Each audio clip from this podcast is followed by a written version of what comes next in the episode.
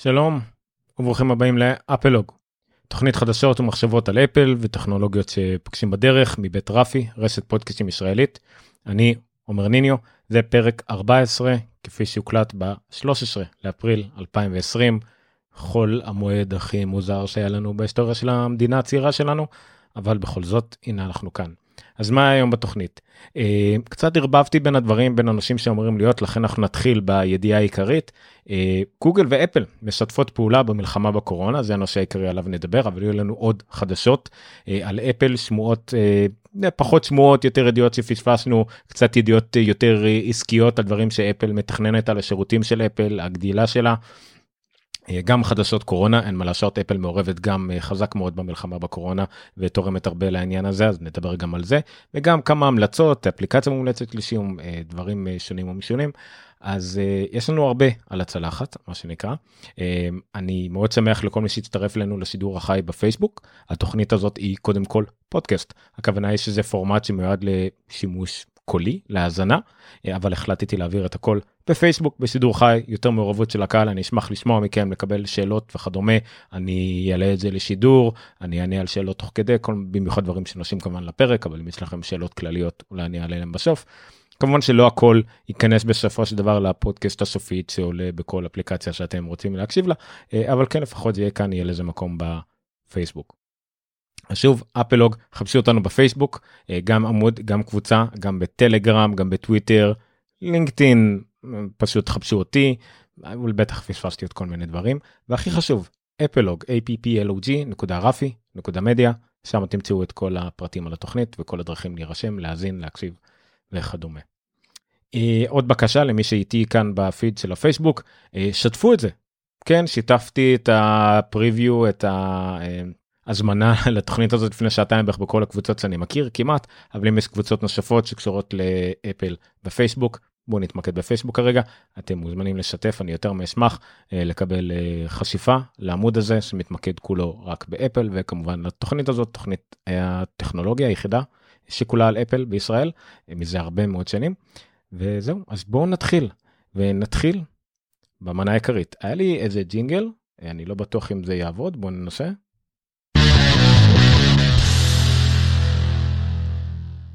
סליחה למי שפיצצתי לו את האוזניים גם לי זה היה כואב. אז ביום שישי נפל דבר ככה ביום שישי זה מקובל כיום שיש בו פחות uh, חדשות uh, אטרקטיביות בעולם הטכנולוגיה בכלל אבל גם uh, גם בדברים אחרים. אז היה מאוד מפתיע לקבל ידיעה אחרי שכולם כבר העלו את כל השיקומים שלהם לסוף שבוע ופודקאסטים כבר הוקלטו וכדומה נפלה שוק של פצצה. ידיעה משותפת ידעה משותפת לעיתונות של גוגל ואפל על שיתוף פעולה מפתיע הם ביחד יוציאו משהו שנקרא API בהתחלה ולאחר מכן אה, ממש אינטגרציה במערכת הפעלה של אה, איך נקרא לזה? זיהוי חולים זיהוי מפגש בין חולים לאנשים שנפגשו איתם ואיתור חולים פוטנציאליים עתידיים בקורונה כמובן כולנו מדברים על קורונה. אני חקרתי לעומק את העניין הזה את כל מה שהם שחררו את כל הכתבות שמצאתי שיצאו בנושא אה, שיקמתי את זה יפה זה כתוב פה. אז אני זה יהיה יישמע קצת מוזר שזה חצי הקראה אולי אבל אני אנסה לפרשן את זה כמה שיותר בקולי. אני אשמח שוב לקבל אה, שאלות אם יש לאנשים בנושא. המומחיות שלי אינה במשהו ש, אה, שקשור לסייבר או פרטיות או בכלל תכנות. אני רק משתמש מאוד הדוק של אפל ומבין מאוד בתחום מהצד הצרכני ומנוסה אז אני אנסה לתת את הדעה שלי ואת הנקודת מבט שלי על העניין. אז בואו נתחיל. אני שוב חצי אקריא ואני אעצור כדי להסביר מה בסך הכל קראתי לפעמים לעצמי אני קודם כל אסביר לעצמי אני מקווה שגם אתם תבינו.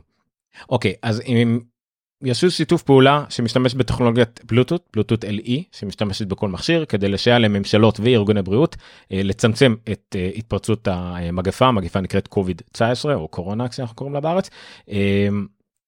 אפל ציינה שקודם כל אני אסכם את זה בקצרה הפרטיות תהיה מעל הכל קודם נתחילו מזה התוכנית תהיה רק אם אנשים מצטרפים אליה לכל העניין הזה. שיתוף הפעולה יהיה קודם כל כמובן יצירת API שמפתחים אחרים של אפליקציות אחרות יוכלו להשתמש בזה אני תכף אסביר אני אתן דוגמה דוגמה הארץ ואחרי זה זה יהיה חלק מהמערכת הפעלה הדבר הכי חשוב פה זה השיתוף פעולה.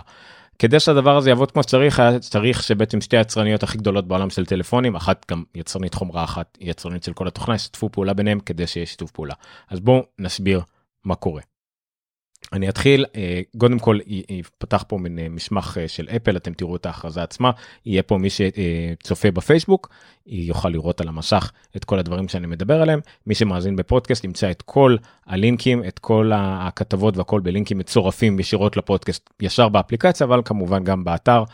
זה יופיע באפלוג.רפי.מדיה/019 ושם יהיו 014 סליחה ושם יהיו את כל הפרטים אז בואו נעבור. אז זאת ההודעה לעיתונות של אה, אפל אה, מי שרואה ממש מהניוזרום אין, אין טעם יותר מדי לעבור על זה אנחנו אה, נעבור על זה אחר כך וגם גוגל עם תמונה מאוד יפה אני תכף אסביר מה קורה פה נשאיר את זה ברקע כדי שלא תצטרכו להסתכל עליי ואני אעבור להסביר קצת יותר לעומק מה קורה פה. אוקיי אז מה המצב כרגע המצב כרגע הוא שמניעת התפשטות המחלה מתבססת בין היתר על מה שנקרא איתור מגעים. באנגלית זה contact tracing אוקיי? מעקב אחר אה, אנשי קשר מגעים וכדומה אחרי מגע. אוקיי? contact tracing איתור מגעים בעברית. אה, זה חלק מחקירות אפידמיולוגיות מושג ששמענו הרבה בזמן האחרון. כלומר איתור כל המגעים של חולה מסוים מאז שנחשד או שיש סיכוי סביר שנדבק במחלה. כל המגעים שלו עם אנשים אחרים. איתור מגעים כרגע מבוסס בעיקר על שיחות עם כל מי שבא במגע עם החולה כשזה מתחיל כמובן מהחולה עצמו. אה, אנחנו ממש מראיינים ומתשאלים פיזית הולכים לחולים לא אנחנו מומחים בנושא אנשי בריאות אה, ומתשאלים אותם אישית או טלפונית אה, על כל מה שהם עברו כל המסלול שהם עברו בארבעה ישורים האחרונים מי הם נפגשו לאורך זמן עם מי הם דיברו וכדומה הכל כדי למצוא את כל מי שבא איתם במגע כדי להודיע גם לו שהוא צריך לנקוט באמצעי אזהרה להיבדק להתבודד וכדומה. עכשיו עם כמה שזה נשמע ארכאי כזה ומסוכן זאת השיטה שאנחנו משתמשים בה כבר הרבה מאוד שנים מאז שהתחילו לחקור את כל עניין המגפות הגיעו למסקנה שזה דבר מאוד יעיל משתמשים בזה בנקודות התפרצות של חצבת וכדומה. אז עדיין זה כרגע הדרך הכי יעילה למניעת התפשטות המחלה ככל שאפשר ככל שאנחנו יכולים לשלוט על זה. אתם יכולים לראות נצרף כתבה על זה מתוך The Verge שמסבירה מה זה contact tracing ממש אפשר לראות פה אה, דברים לוחות אה, ידנים ממש נראה כמו חקירת FBI כדי לחקור את כל מי שבא במגע עם חולה פוטנציאלי. אז מה האלטרנטיבות הטכנולוגיות כרגע כי אמרתי זה מין שיטה ארכאית ידנית ו- וכדומה נראית קצת מיושנת בטוח איזושהי אלטרנטיבה טכנולוגית לעניין. אז יש לדוגמה בארץ יש אלטרנטיבה טכנולוגית אני אקרא לזה אני אחלק את זה למשהו שהוא על ידי המשתמש למרות שהמשתמש צריך לעשות את זה. אה, בארץ זאת אפליקציית המגן. אוקיי שמשרד הבריאות הוציא יחד עם כמה מפתחים אה, מאוד מוכשרים אפליקציה ששם הדגש על פרטיות. המגן משתמשת ביכולת שירותי המיקום של המכשיר כרגע כדי לשמור על המכשיר עצמו היסטוריה של כל המקומות בהם המשתמש היה. אה, וברגע שיש דיווח רשמי רשמי נגיד שחולה מסוים במיקום מסוים אז אה, המשתמש מקבל התראה המשתמש של אפליקציה מקבל התראה שמע במסלול שעברת ב-14 יום האחרונים היה גם חולה קורונה. אוקיי אם אתה היית באמת היית באותו מקום באותו הזמן שהוא לוקח הוא רק אומר שהיה שם בן אדם משווה את זה מול מה שלך במכשיר הוא אומר לך אם באמת היית באותו מקום תנקוט באמצעים לך לבדיקה תתבודד אולי זה היה מיותר וכדומה. אה, עכשיו היתרון של אפליקציה כזאת כמובן זה שימוש ביכולות המכשיר זאת אומרת מה שיש לנו זה תמיד הדבר הכי טוב.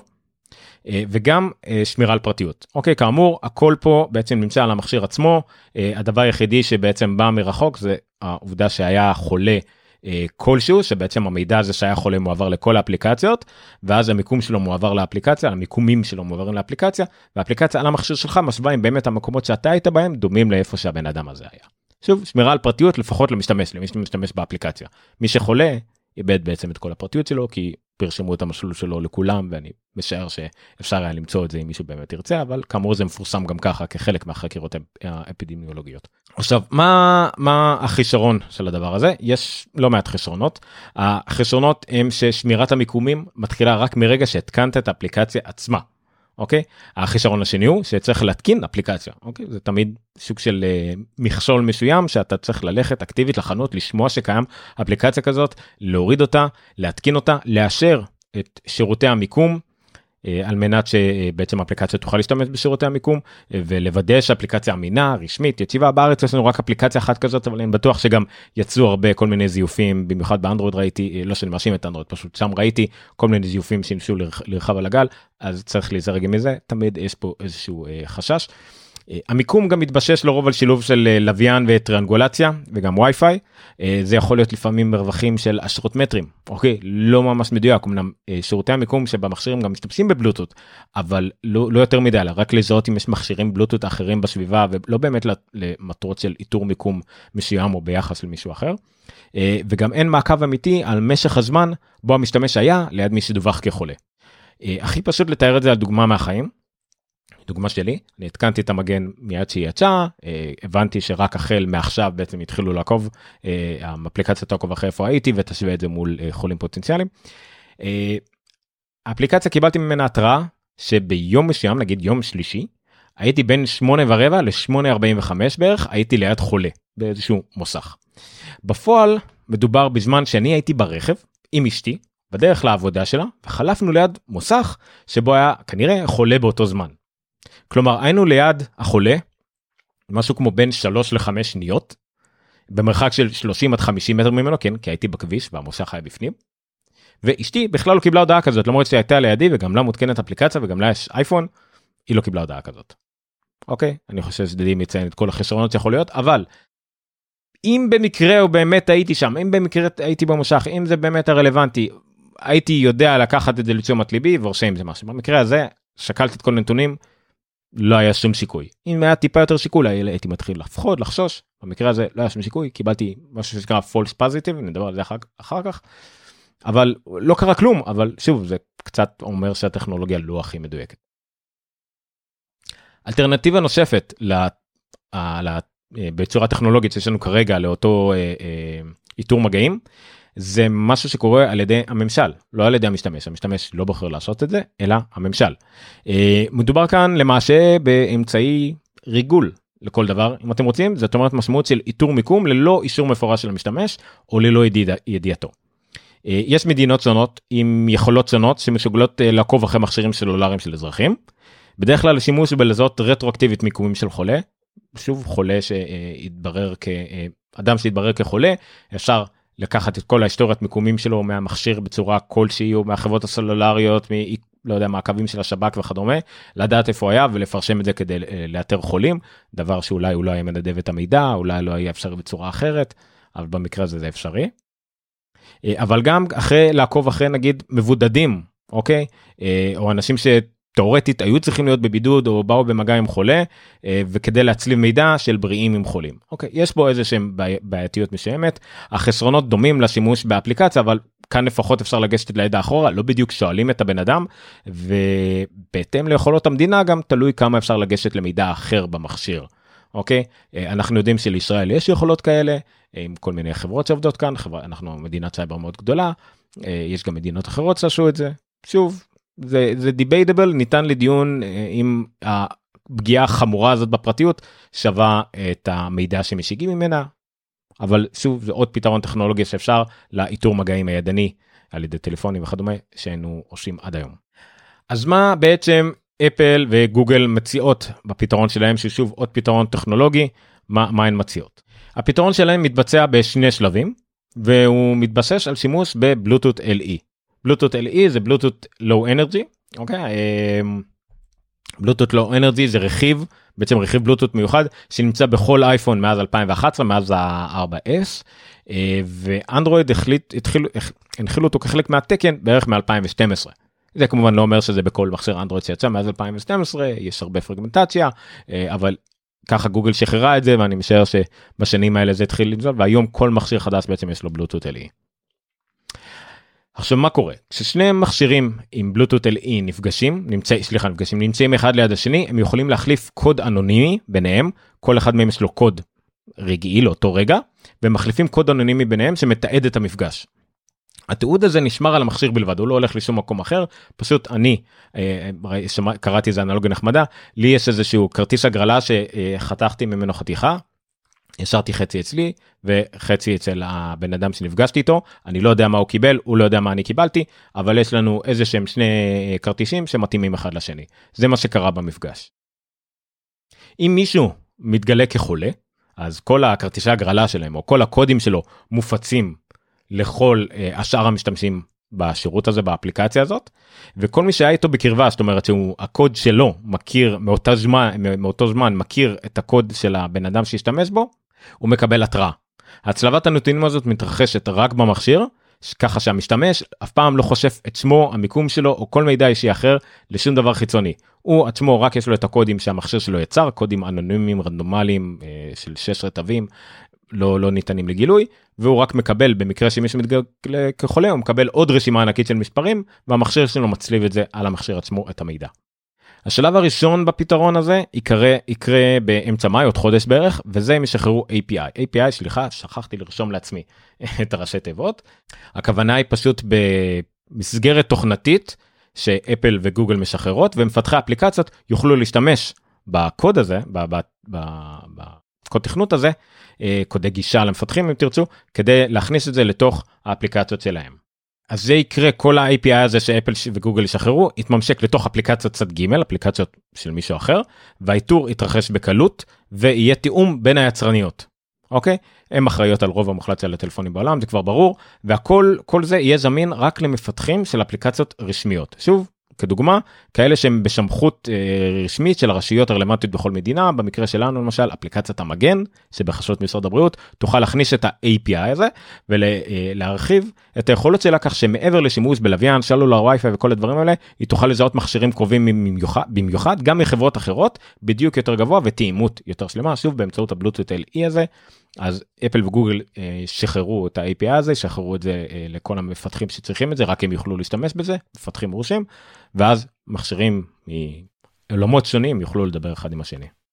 השלב השני יתרחש יותר מאוחר השנה, עוד כמה חודשים, אין תאריך מדויק, החברות יכניסו את התמיכה במעקב הזה לתוך מערכת הפעלה כחלק מההגדרות, כמו שהיום אנחנו יכולים ללכת להגדרות אה, ולאשר או לא לאשר שימוש בשירותי מיקום אה, וכדומה, שימוש במצלמה, מיקרופון וכדומה, יהיה לנו גם כן את היכולות שימוש ב contact tracing הזה.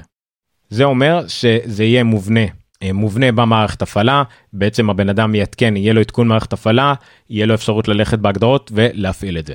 זה אומר כמו ב-API וכמו בכל התורה הזאת כחלק משמרי הפרטיות פרטיות הדבר הזה יהיה חייב להיות מופעל על ידי המשתמש מה, ש, מה שנקרא opt in אופציון אופציון in לא out זאת אומרת הדיפולט הוא שזה כבוי. אתה צריך להפעיל את זה שוב כמו כמעט ברבית מה מרבית מהדברים שקשורים לפרטיות או רגישים באייפון הדברים האלה תצטרך להפעיל אותם או לאשר כשעוד קופצת לך הודעה מאפליקציה אם אתה רוצה להפעיל אותם היינו הך ורק אז זה יופעל. עכשיו אנחנו לא כל כך ברור איך זה ייראה בשוף לגוגל יש איזושהי דוגמה אבל המשמעות היא שהחלפת הקוד הזה הכרטיס הגרלה הזה בין מכשירים תתרחש גם בלי אפליקציות צד ג' זאת אומרת רק אם שתאשרו את זה אה, זה הקוד הזה יוחלף בין השניים והמכשיר הוא זה שיתריע לכם אם אתם תיפגשו עם חולה. המידע ירד מלמעלה כשברגע שחולה יגולה המידע שלו יפורשם והמכשיר שלכם ידע על זה ידע איפה אתם הייתם לפי בגלל שאתם לא, לא איפה הייתם אלא את הקודים הרנדומליים הרנדומליים האלה שהוא יצר הוא ידע את זה ויקפיץ לכם הודעה על המשך שמע היית בקרבת חולה אנא גש ל והגש ל הזה יהיה כנראה תלוי במדינה תלוי בהוראות אם יהיה לינק למשרד הבריאות לינק למרפאת הכללית הקרובה לא יודע זה כבר משהו אחר שאנחנו נצטרך לראות עם הזמן כנראה שזה יהיה שונה גם לכל מדינה. היתרונות של הפתרון הזה לא משנה איזה שלב תסתכלו על זה לעומת הפתרונות הטכנולוגיים האחרים זה שמירה אפילו יותר אבסולוט, אבסולוטית על פרטיות במידה מסוימת. אה, אלא אם כן במקרה של אפליקציית צד ג' יכול להיות שאפליקציית צד ג' תבקש מכם עוד הרשאות אולי שלא חשבתם לתת לה פתאום הרשאה למצלמה או לא יודע מה. אבל זה כבר זה, זה לא קשור ל-API הזה לא לפתרון של אפל אלא לאפליקציה עצמה. אבל שוב זה בעיקר אה, רשויות וממשלות שיהיו אחראיות על אפליקציות האלה אז כנראה לא יהיה פה איזשהו משהו חשוד רק להם יהיה גישה לזה. זה לא שתורידו אפליקציית צד ג' פיראטית שהיא תגיד שהיא עושה את זה והיא לא תוכל והיא ובאמת תעשה את זה. היא רק תגיד היא לא תוכל לעשות. עכשיו במקרה של השלב השני הזה שזה באמת זה חלק מהמערכת הפעלה אה, זה יהיה דומה למה שיש לנו עכשיו אה, היסטוריות הבריאות במכשיר. זאת אומרת התיעוד פועל תמיד. ברגע שהפעלתם את זה הוא יתעד את כל הקודים האלה במשך כל הזמן ואם תחליט תתקינו אפליקציה צד ג' של רשויות היא תדע אוטומטית את 14 ימים האחרונים. זה לא יהיה רק מהרגע שהתקנתם את האפליקציה אלא בגלל שהמכשיר שומר את זה שוב מי שמכיר כמו באפליקציית בריאות באייפון ברגע שתתקינו אפליקציה צד ג' של שפירת צעדים היא כבר קיבלה את ה-14 יום האחרונים של ספירת צעדים כי המכשיר שומר את זה בכל מקרה. ולאפליקציה יש גישה לזה. אותו דבר פה גישה של 14 יום אחורה. וכמובן היתרון הכי גדול זה קישוריות מלאה בין אייפון לאנדרואיד ללא צורך לפתרונות תוקפים או נניח אם לא יודע אם המגן עושים לא המגן לא עושים את זה אבל נגיד הם היו צריכים לפתח במקביל גם לאנדרואיד גם לאייפון לא יכולים לדבר ביניהם ואם היו רוצים לדבר ביניהם אז זה אומר שהכל היה צריך לעלות לענן ואז לרדת מהענן למכשיר עם האנדרואיד ולהשוות ביניהם בלאגן לא נורמלי אז במקרה הזה בגלל שיתוף הפעולה זה יעבוד בצורה אה, אינטגרלית לגמרי בין אייפון לאנדרואיד.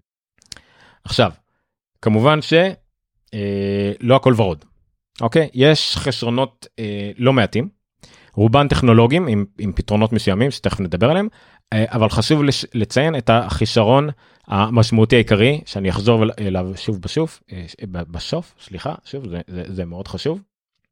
החישרון הוא שכרגע אה, אנחנו מסתמכים על שיטה בסיסית של איתור מגעים אוקיי השיטה האנושית אבל זאת השיטה שעדיין צריכה להוביל. מרבית המומחים אה, ממשיכים לציין שהניסיון האנושי בתחום, שיטות התשאול ועבודות הרגליים זה עדיין האמצעי הכי יעיל לאיתור. הסתמכות על פתרונות טכנולוגיים אה, עלולה להוריד מהחשיבות של הדבר הזה ולתת אשליה שטכנולוגיה יכולה לפתור הכל. ואנחנו מכירים את ההרגשה הזאת כן? טכנולוגיה מבחינתנו זה כמו קסם. אה, טכנולוגיה אה, ברגע שהיא מתקדמת מהיר תראה כמו קסם אמר ארתור סיר קלאק כתב אמר אני לא זוכר לא הכרתי אותו.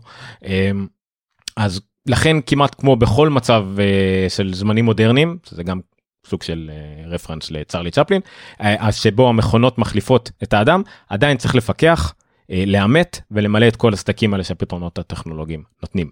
אז בואו נדבר קצת על החסרונות הטכנולוגיים האלה הם מתחלקים לשניים uh, ככה אני חילקתי את זה לפחות uh, בירוקרטי וטכנולוגי. הבירוקרטי הוא בעיקר בשלב הראשון של הפתרון עם האפליקציה צד ג' אבל גם בשלב השני כיוון שבשני המקרים אה, הפעלת הטכנולוגיה תדרוש את אישור המשתמש שזה כבר ציינתי מכשול מכשול לא קטן. במקרה של אפליקציית צד ג' של הרשויות המשתמשים יצטרכו גם להוריד ולהתקין את האפליקציה שזה יותר גרוע להפעיל אותה לאשר את הגדרות מיקום הפרטיות.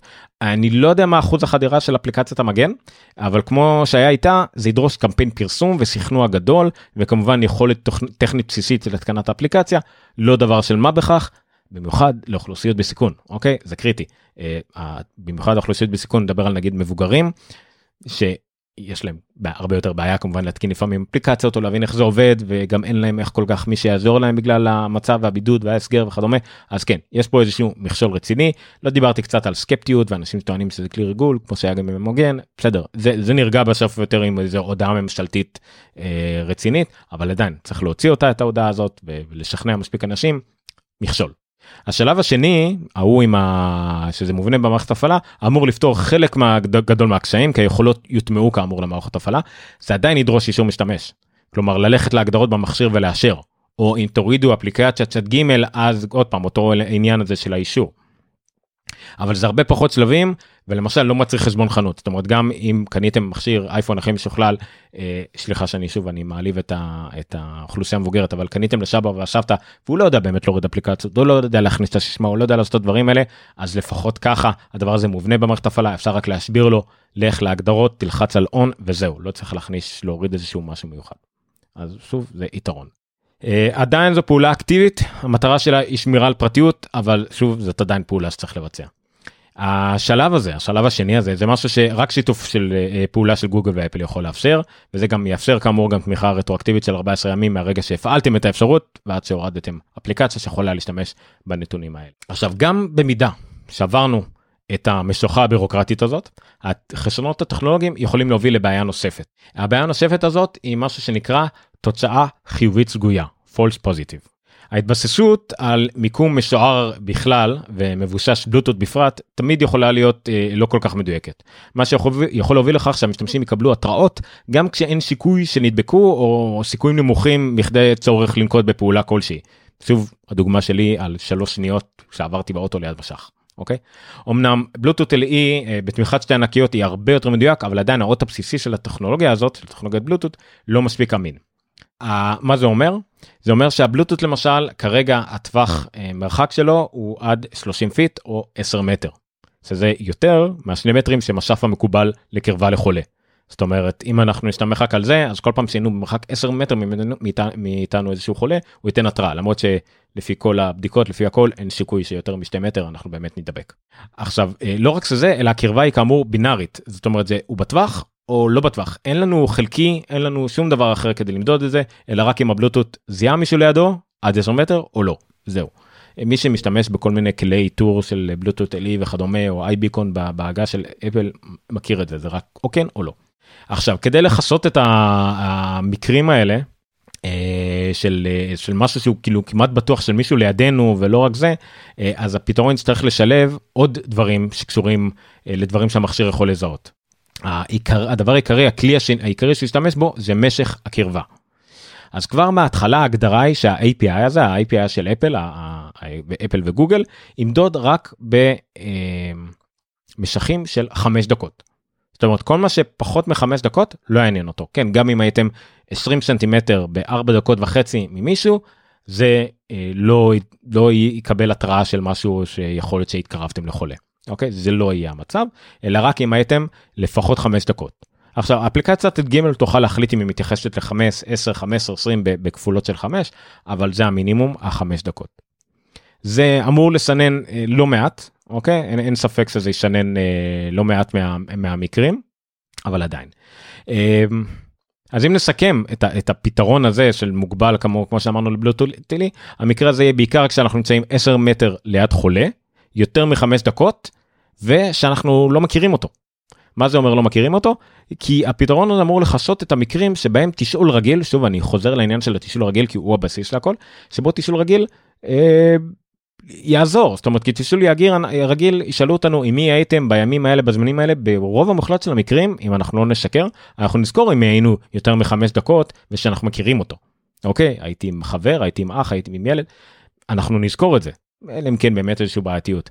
מה אנחנו לא נזכור אנחנו אנחנו לא נזכור אנשים שעמדנו לידם יותר מחמש דקות בחיים לא ראינו אותם לא דיברנו איתם אולי דיברנו רק איזה שאלה קצרה של מה השעה אנחנו לא נצליח לזכור שישאלו אותנו עשרה ימים אחר כך עם מי הייתם ומה עשיתם כשנסעתם באוטובוס או לא יודע מה.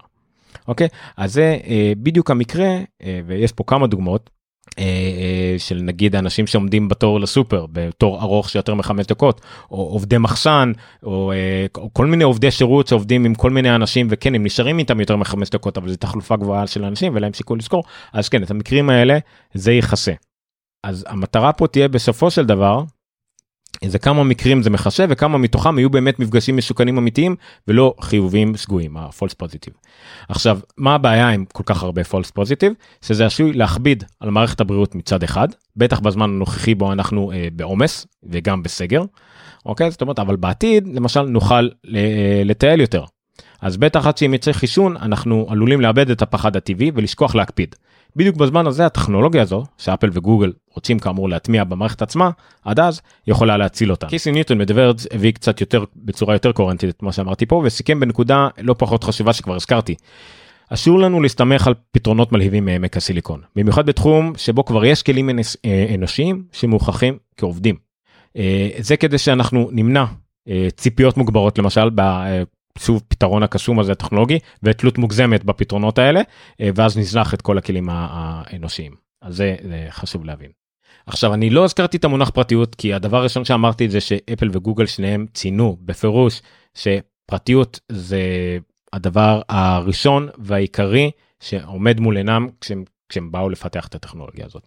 ואני במיוחד לאפל מאמין אבל בגלל שמדובר בכמעט אותו קוד גם לאפל גם לגוגל אני בסדר מאמין אין לי, אין לי שיבה עם אין לי סיבה לא להאמין אבל יש הרבה דברים שלאו דווקא תלויים בהם אוקיי? אולי יש דברים שהם לא חשבו עד הסוף אוקיי? זה זה שאתה פוגע בפרטיות של בן אדם לאו דווקא נובע מאיזושהי כוונה זדונית. לפעמים סתם חוסר תשומת לב טיפשות אנחנו רואים את זה הרבה בארץ. דרך אגב ותודה לרן ברזיק שמביא את הדוגמאות האלה כל הזמן במודורים שלו בארץ אבל אה, עדיין צריך לחשוש מזה.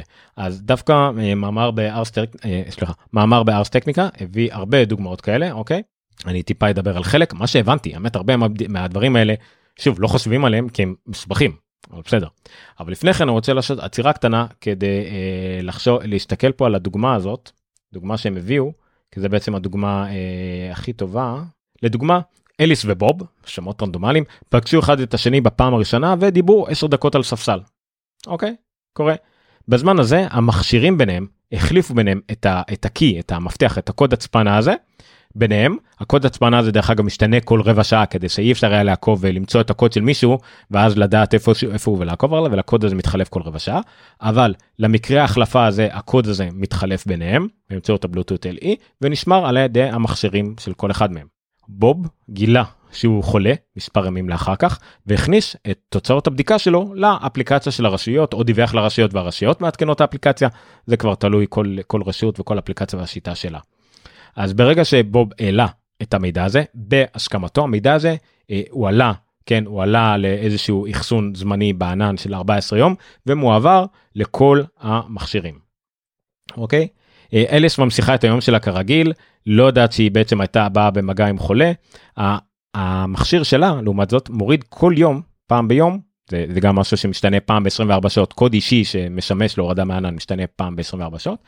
מוריד את כל המידע על כל אנשים שאותרו כחולים ביום האחרון הזה ומעביר אותו למכשיר שלה הוא שם הוא מזהה שיש שם קוד קוד מפתח אחד שהוא זיהה שהוא פגש.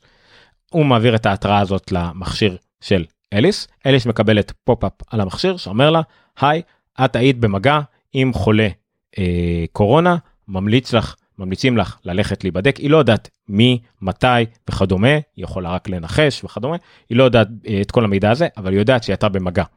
בגלל זה חשוב גם בין היתר שלא יהיה יותר מדי פולס פוזיטיב כי זה לא מצב שאומרים לך שמע תיזכר אם אז או כמו שנגיד קורה במגן אה, אבל פה בא גם הקטע של אפליקציית גימל יכולה להוסיף עוד נופח של מידע לגבי הדברים האלה כן אבל איך שזה מגיע מאפל עם הקודים האלה ובלוטוטלי אתה לא יכול לדעת אתה לא יכול להיזכר אם שבוע קודם כן היית לא היית בגלל זה גם חשוב התשאול האנושי הזה.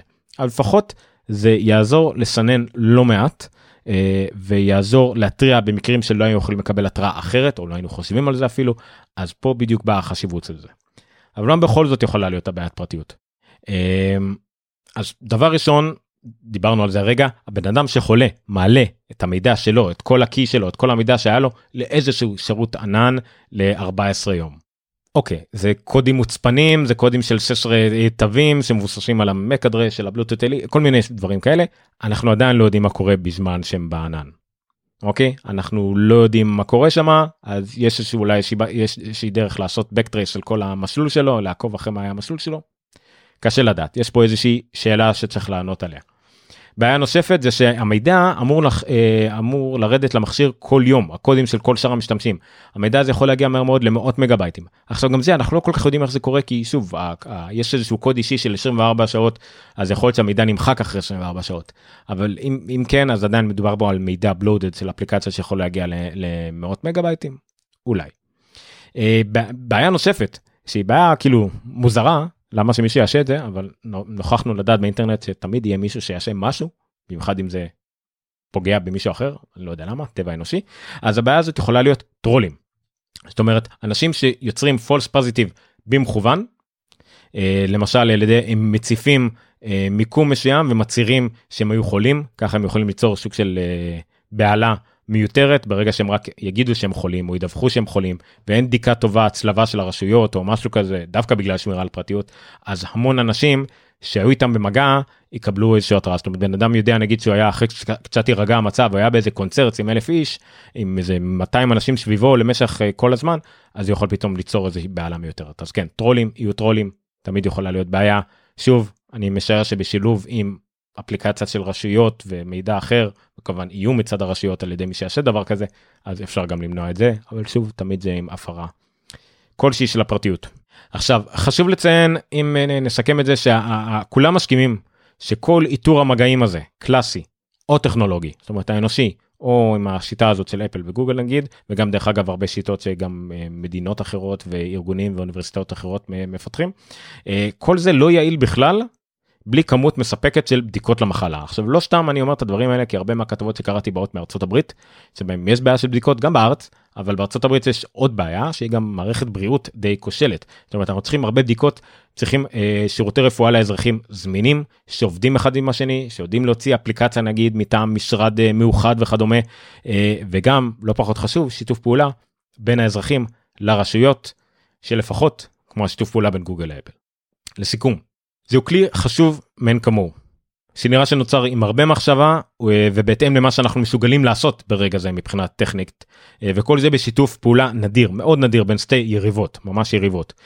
הוא נבנה עם מחשבות על פרטיות ויעילות פתיחות והבנה עד מידה מסוימת הבנה של עד מידה מסוימת של המין האנושי. בוא נקווה שאותו מין אנושי ילמד לאמץ אותו כראוי מבלי לנצל אותו לרעה כמו שאמרנו ובלי לזנוח את כל מה שלמדנו עד כה בלעדיו. זה היה סיכום אה, שלי אה, עם עזרה של דורון דרך אגב אה, על כל מה שקשור לאפליק, ל-API ואז חלק מהמערכת הפעלה שאפל וגוגל יוציאו. אני מאוד מקווה שזה עזר להבין את זה קצת אני יודע שזה היה טיפה קצת מבולגן. אתם תוכלו לקרוא את כל מה שכתבתי את כל הלינקים כל הכתבות האלה בפרטי הפרק וגם אני אפרשם את זה כמובן בפייסבוק אני מאמין יחד עם הפרק שייצא וזה חשוב לא חשבתי שזה יהיה ידיעה כל כך גדולה ומשהו כל כך חשוב על זה נהיה קריטי וזה נהיה משמעותי ומלבד זה שנוכל להגיד שחיינו בעת קורונה חיינו גיינו בעת של שיתוף פעולה בין גוגל לאפל אה, שנראה קצת יותר טוב בין שיתוף פעולה בין ניסיונות להרכיב ממשלה אצלנו במדינה. נו טוב שיש לנו משהו נחמד להסתכל. אוקיי אני התלבטתי איך אה, להמשיך מפה אם נמשיך לחדשות קורונה או שנעשה ספין חזרה לחדשות הרגילות שלנו ואז נחזור לכל מיני חדשות קורונה מעניינות אני חושב בשל הנושא הכבד הזה כרגע. אנחנו נחזור לחדשות קצת יותר אה, רגילות במרכאות על מה שקרה אה, השבוע וכל מה שקשור לזה יש פה כמה דברים מעניינים ואז נחזור לחדשות קורונה כי גם שם יש הרבה דברים מאוד מעניינים שרלוונטיים ואנחנו משתמש בהם וזה לא רק ידיעות על כמה העולם מבאס. והוא כן, דרך אגב. אוקיי, אז מעברון, שלוק ממים ונמשיך.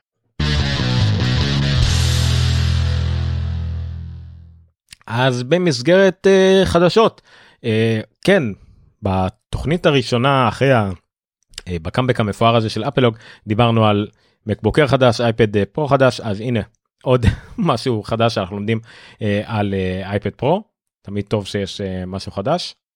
אז יש אה, לפני שנה אני לא זוכר עם איזה דגם זה התחיל אני חושב שעם ישר עם המחשבים הניידים של ה-T2 T2 אה, גילינו לדעת שה...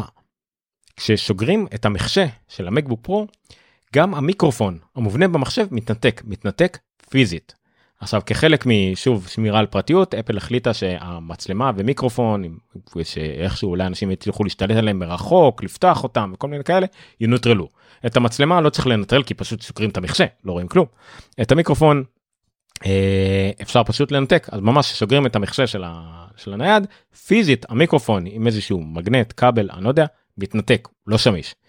עכשיו גילינו לדעת שגם באייפד פרו עכשיו זה ממש מסתם איזה מאמר ב, ב, מרכז אה, אה, מפתחים של אפל או לא מפתחים על אבטחה של אפל אז כן hardware microphone disconnect in a mac and ipad and ipad הזה זה חדש אז כן אז כל האייפדים החל מ2020 שיצאו השנה חדשים אייפד פרו עם אה, קייס אה, רשמי של אפל אה, או לא רק רשמי אלא גם אה, MFI made for iPhone כל מה שהוא שוחרר רשמית על ידי אפל או יצרניות של אפל ינתק את המיקרופון ברגע ששוגרים את האייפד.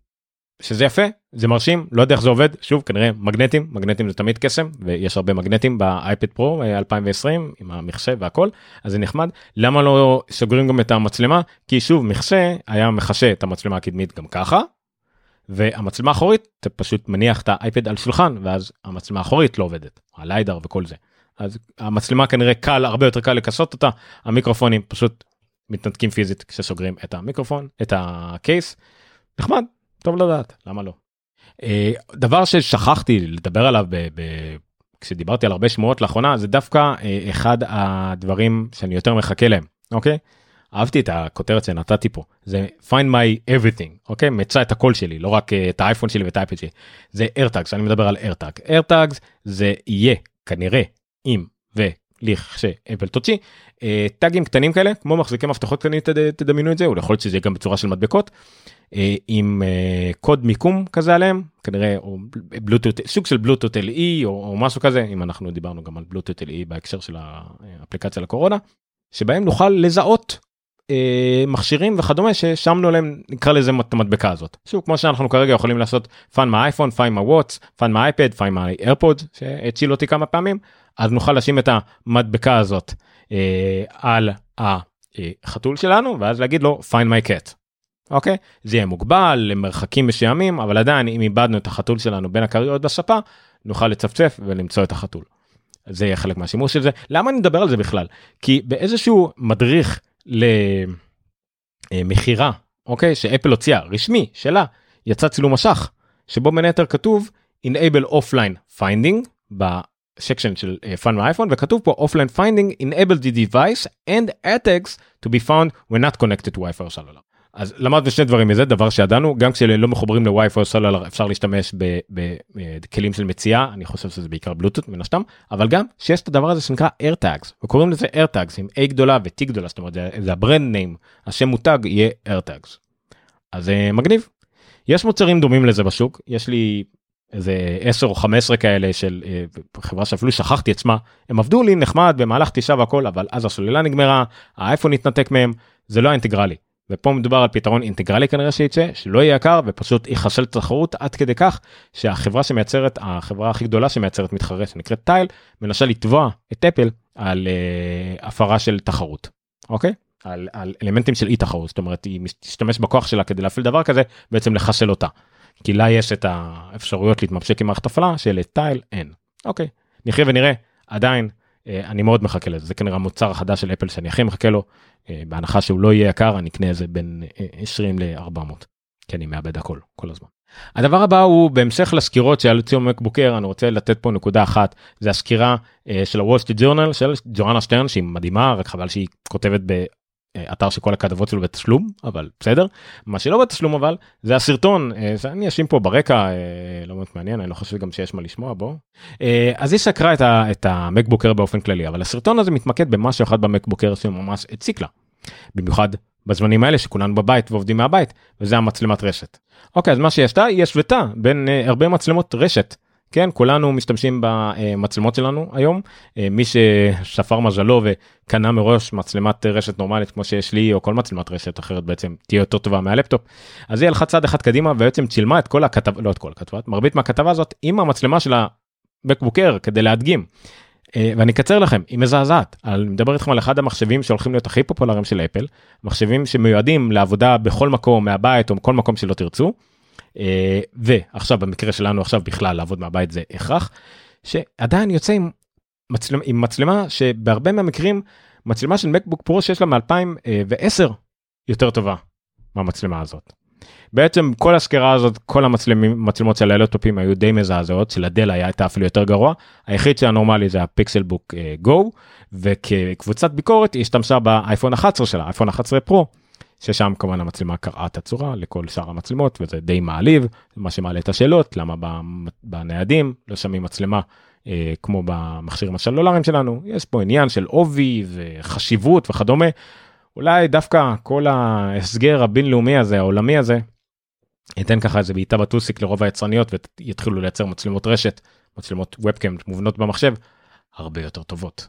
או לפחות כמו רעיון של מישהו נתן אחר שאפל תאפשר אה, כמו continuity של האייפון לכמצלמת רשת למחשב.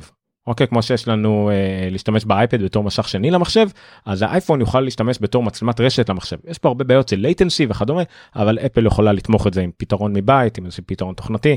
אני בטוח שזה אפשרי. אה, אז כן אז כולם שואלים את זה ואני בטוח אה, שאיכשהו ידברו על זה. יש לי הרגשה זה הפך להיות ביג אישיו ממש בזמנים האלה. אז זה מעניין. אז זאת ג'ואנה שטרן עם uh, סקירה למקבוקר ועל המצלמה הנוראית עליה. עכשיו מסוג הדברים שאני בדרך כלל משאיר אותם לסוף אבל זה כל כך משעשע שנדבר על זה עכשיו. מבצע מדהים של אפל. עכשיו זה מצחיק כי לא שמתי פה את הלינק אבל בדיוק ברגע שזה יצא יוצאו עוד מבצעים של אפל שאני תכף אדבר עליהם. Uh, אתם רוצים לקנות את המסך הכי מתקדם של אפל שיש כרגע משך שמיועד לפרו אוקיי עם שם מגניב כמו סינמה HD דיספליי בהנחה הנחה של 300 דולרים שזה לא מעט אז אתם יכולים לגשת לאתר הזה ולמצוא הנחה על משך 23 אינץ' סינמה HD דיספליי אם תקנו פאורמק G5 עכשיו סתם לצורך העניין אתם צריכים לקנות אותו בין ה-28 למרץ ל-26 לשישי 2004. אוקיי משום מה האתר הזה עדיין באוויר כולל שאפשר להוריד את ה-pdf עם המיילין קופון שאתם יכולים למלא את הפרטים שלכם כולל לענות על איזה שאלון מצחיק אה, ואפילו אייפל מאפשרים להוריד את אדובי אקרובט רידר. אתם יכולים להוריד את הדבר הזה אה, וזה מצחיק ועם כל התנאים הנה ה-pdf הזה אתם רואים צריך למלא פה ממש את כל הקופון עם המון המון שאלות איפה קנית איפה שמעת יש פה גם כן איזשהו דבר מצחיק שאתה יכול לבחור אה, איפה שמעת את זה אבל בסדר. אה, כן World Wide Web Advertising. זה אחד מהאופציות לא אינטרנט. נו טוב זה משעשע. עכשיו למה זה משעשע? כי ממש ביום ימיים האחרונים אפל אה, יצאה בדגמי המק פרו שלה הכי יקרים כריפרביסט ששם אפשר לחשוך כן עד אני חושב 3,000 או 4,000 דולר על מחשב שעולה 24 אלף דולר. עדיין זה לא מעט או אם אתם רוצים כמובן המכשירים יותר זולים עדיין 600-700 דולר הנחה מאוד יפה. גם שאר המחשבים אה, המקבוק אר אה, סליחה המק מיני יצא כרפרביסט אני לא יודע לגבי החדשים האחרים אבל המק מיני כבר קיים כרפרביסט הדגם הקודם שימו לב הדגם הקודם רפרביסט אה, שהוא בעצם זהה לחדש אבל החדש במרכאות כי רק הרחיבו את הזיכרון אבל יצא יותר זול משהו שווה לשחק שם עם המפרטים אני תמיד ממליץ לקנות רפרבס של אפל אם יש לכם אפשרות אם אתם לא אכפת לכם אבל עדיין במקרה של מק פרו שוב מק פרו שוב לחסוך אלפים המסך לעומת זאת עדיין לא בהנחה. פה את דיספלי XDR. Oh well. נעבור לקצת חדשות על שוק אני מפריד את זה כן היה לנו חדשות כלליות חומרה תוכנה וכדומה עכשיו קצת חדשות על שירותים services.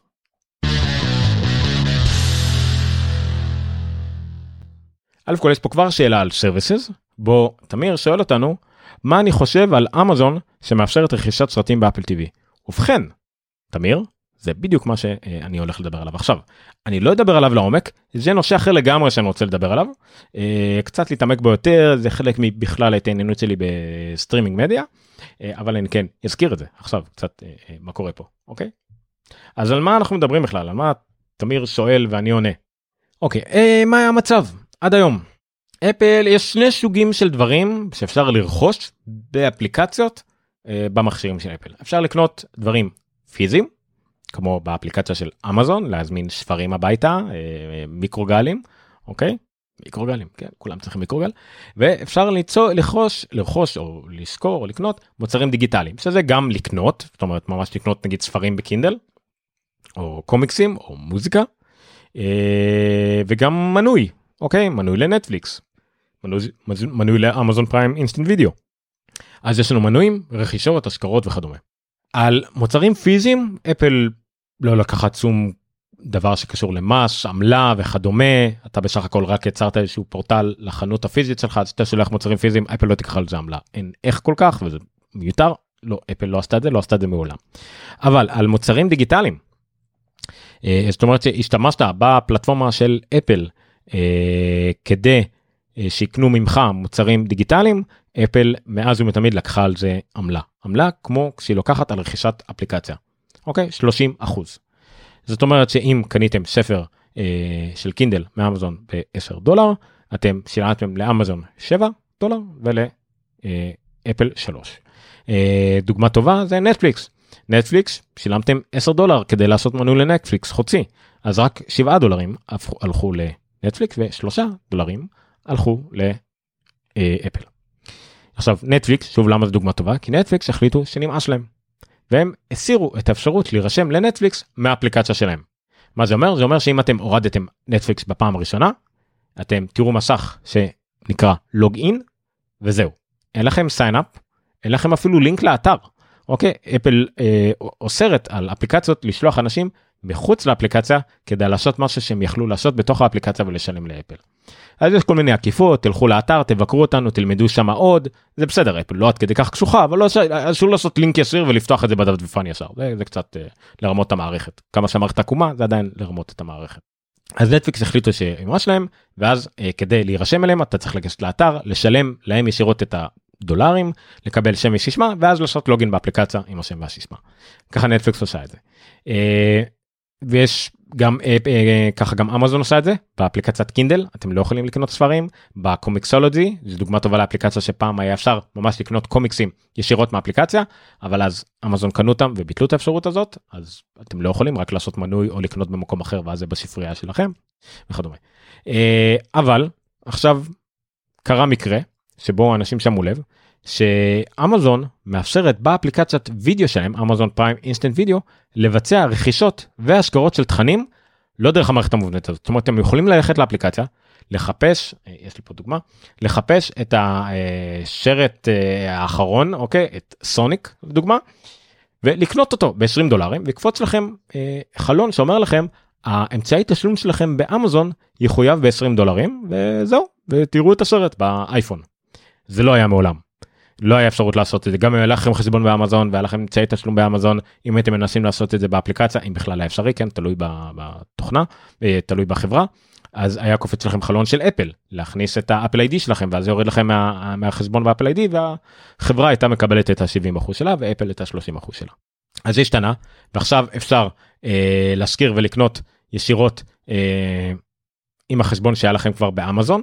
אחד מהתנאים הוא שחייב להיות לכם כבר חשבון קיים באמזון עם אמצעי תשלום זה אתם לא יכולים להירשם לאמזון באפליקציה אתם לא יכולים להחליט בדיעבד עדיין צריך לעשות את החשבון הראשון איזה שיהיה לכם איזשהו אמצעי אה, תשלום קיים באמזון צריך להיות מוכן מראש אה, רוב האנשים הם, הם כאלה זה בסדר אה, אז זה חישרון אחד. זה אומר שבסך הכל א' כל אמזון גם לא יחידה יש שני שירותים אירופאים אה, אלקטל ועוד איזה משהו שגם עושים את זה ככה אפל שחררה אנחנו יש לנו הרבה כאלה שאנחנו נותנים להם את האפשרות הזאת זה לא חדש יש את אמזון ואז עוד שניים שבחיים לא שמעתם עליהם. אבל בסדר כנראה שאפל מקבלת כנראה איזשהו משהו אה, ואם לא היא מקבלת משהו אחר שזה איזושהי יד לוחצת יד מאמזון. אוקיי? הדבר שכרגע מאוד חשוב לאפל זה אפל TV אפל TV פלוס. אוקיי גם סליחה האפליקציה של אפל TV לאפל TV היא רוצה שיהיו שם כמה שיותר תכנים שאנשים יגיעו לאפליקציה של האפל TV באפל TV ויחיו שם.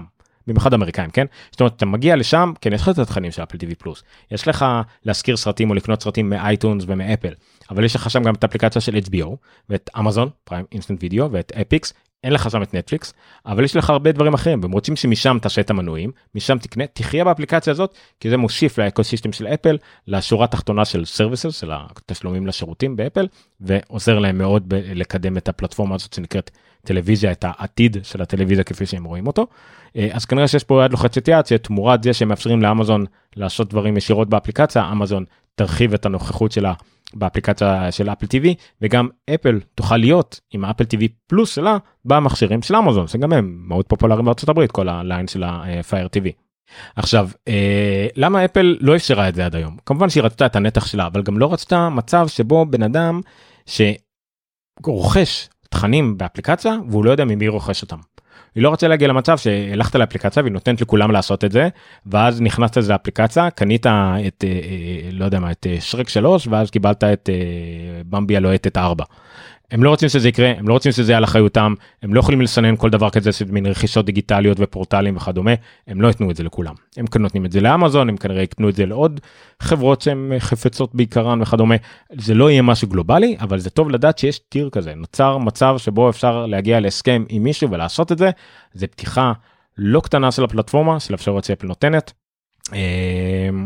ואני משער שזה יהיה במשורה אוקיי? זה יהיה לאט לאט אני לא חושב שזה יהיה שייפתח לכולם אבל טוב לדעת יש את זה באמזון זה טוב מאוד לאמריקאים. אה, בישראל אני לא יודע עדיין איך זה עובד יש לנו את אמזון אה, בטלוויזיה אני עוד לא בדקתי.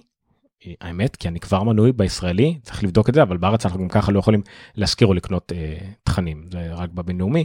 אולי להיר... וגם בעצם אז גם להיר... לא להירשם לשירות. אולי אני יכול להעביר את התשלום שלי לאפל ואז זה אומר שכן אני לא יודע. קיצור אה, צריך עוד לבדוק אני כרגע מדבר בעיקר על המצב בארצות הברית אבל כמובן משם מתחיל הכל בגדול כי גם אמזון וגם אפל TV הם עדיין הם הופכים להיות שירותים בינלאומיים אז, אז זה לא כל כך משנה אנחנו מדברים על CBS או ABC או פוקס וכדומה. אז אם דיברנו על אפל TV ותמיר אני מקווה שזה מספיק תשובות בשבילך אם לא אתה מוזמן להעלות ככה איזה כמה אנשים חשובים לדיון בנושא ואני אשמח לפתוח על זה חלק מיוחד בעתיד כמו שעשיתי הפעם אה, על הקורונה. אז אם דיברנו על אפל TV עוד משהו. Wedbush Analytics חברת analytics אה, הגיעה עשתה איזשהו מחקר ואמרה שלאפל פלוס אפל TV פלוס למה אפל פלוס אפל TV פלוס יש משהו כמו 30 עד 40 אה, מיליון מנויים כשדיסני כבר הגיעו ל-50 מיליון מנויים. למה זה חשוב? א' כל זה חשוב כי דיסני התחילו אחרי אפל. לא בהרבה אבל עדיין אפל היה לה את כל הכותרות בשבילה וכולם הכל בשבילה. ודיסני התחילו קצת יותר מאוחר גם קצת יותר יקר לדעתי. אה, ובפחות מדינות אני לא יודע כרגע אם הם מדברים על בינלאומי או לא אני לא קראתי את זה לעומק האמת אם זה בינלאומי או לא. אבל זה לא משנה. אה, ועוד דבר אחד שזה משמעותי העובדה שאפל TV עדיין אפל TV פלוס חינמית להרבה מאוד משתמשים תחשבו שכל מי שקנה אייפון השנה אני משער שכבר הגענו למשהו כמו איזה 70 מיליון 80 מיליון אייפונים ואייפדים ומחשבים והכל ביחד קיבלו אפל TV פלוס חינם ורק נגיד 30 עד 40 מיליון מהם נרשמו וזה מגיע להם חינם עכשיו כל מי שהיה לו כבר מכשיר שזה עוד איזה כמה מאות מיליונים יכל להירשם בחודש חינם או 5 דולר לחודש זה כלום.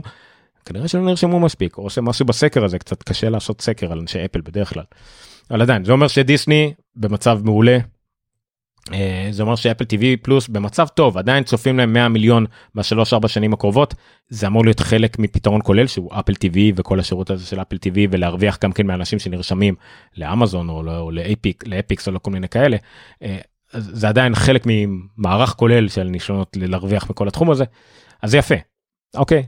זה 30 40 מיליון אנשים שתאורטית משלמים כל חודש לאפל שלא יהיו קודם. אז אין דבר רע בזה. אני מאמין אבל זה יכול להיות הרבה יותר טוב. ושוב אנחנו ממשיכים בעניין של אפל TV זה סוג של חצי אה, חצי חצות קורונה אבל החלטתי להאשים אותם פה אפל החליטה לשחרר אה, הרבה לא הרבה נראה לי איזה חצי מהתכנים שלהם או שליש מהתכנים שיש באפל TV ובכל אפל TV יש כרגע 19 תכנים בערך אה, חינם. אוקיי אני בין היתר הדברים שאני מכיר ליטל אמריקה סדרת אנתולוגיה נפלאה חמודה חצי שעה בערך כל פרק פרקים מתוקים להפליא חינם זאת אומרת זה לגמרי משהו שאין לכם מה לראות שימו חצי שעה על פרק אם יש לכם. אני חושב שכל אחד יכול לעשות את זה אני לא בטוח אם צריך חשבון הרי גם אפל טיווי פלוס מינה גם בדפדפן זמין גם באפל טיווי באייפון באייפד במחשב בכל מקום אז אין סיבה שכמעט כל אחד בעולם כי התכנים האלה הם גם בינלאומיים אה, יכול ליהנות מכמה סדרות חינם לגמרי באדיבות אפל בגלל המצב וכנראה וגם כדי ששוב תדברו על אפל למה לא אז יש אה, יש כמה תכנים באמת אה, מומלצים אני ראיתי אישית את Little America אבל בין היתר גם כל התכנים לילדים אוקיי כולל Snoopy in Space באנגלית אבל בסדר עדיין זמינים בחינם. very nice אוקיי בארצות הברית גם HBO שחררו 500 שעות של תכנים כן אבל אנחנו לא בארצות הברית ואפל TV אפשר גם בלי VPN. עכשיו בניגוד לאפל TV פלוס שכנראה לא גדל מספיק מהר או מספיק טוב יש את אפל מיוזיק אפל מיוזיק עולה ב-36 אחוזים לעומת 32 אחוזים כל התעשייה עלתה, זאת אומרת כל תעשיית המוזיקה בסטרימינג עלתה ב-32 אחוז, אפל עלתה ב-36 אחוז. עדיין המצב כרגע, ושוב זה על בסיס אה, סקר אחד של חברה אחת, אה, עדיין עומד על בערך 35 אחוז לספוטיפיי, 19 אחוז לאפל במקום השני, אמזון מיוזיק 15 אחוז, שזה יפה כי הם לא כל כך בינלאומיים, אה, 6 אחוז ליוטיוב מיוזיק, שנהיו בינלאומיים לא מזמן, 11 אחוז טנסנט, אני חושב זה, זה הרוסים אם אני לא טועה, שלחו לי אם אני גזעני, ו-14% לכל השאר. אז אפל אמנם רק 19% מקום שני אבל זה עדיין גדילה. גדלה יותר מהר משאר השוק. אני אשב פה פאוזה קטנה למשהו שלא הספקתי להכניס לידיעות היום, אה, התפרסמו גם מכירות של אה, מקים, של מחשבים, סליחה, מחשבים בכלל אה, ברבעון האחרון, אפל צנחה באיזה 21% של מכירות מקים, זה לא יפה, זה לא נעים. כל התעשייה ירדה אבל אפל ירדה הכי, הכי הרבה.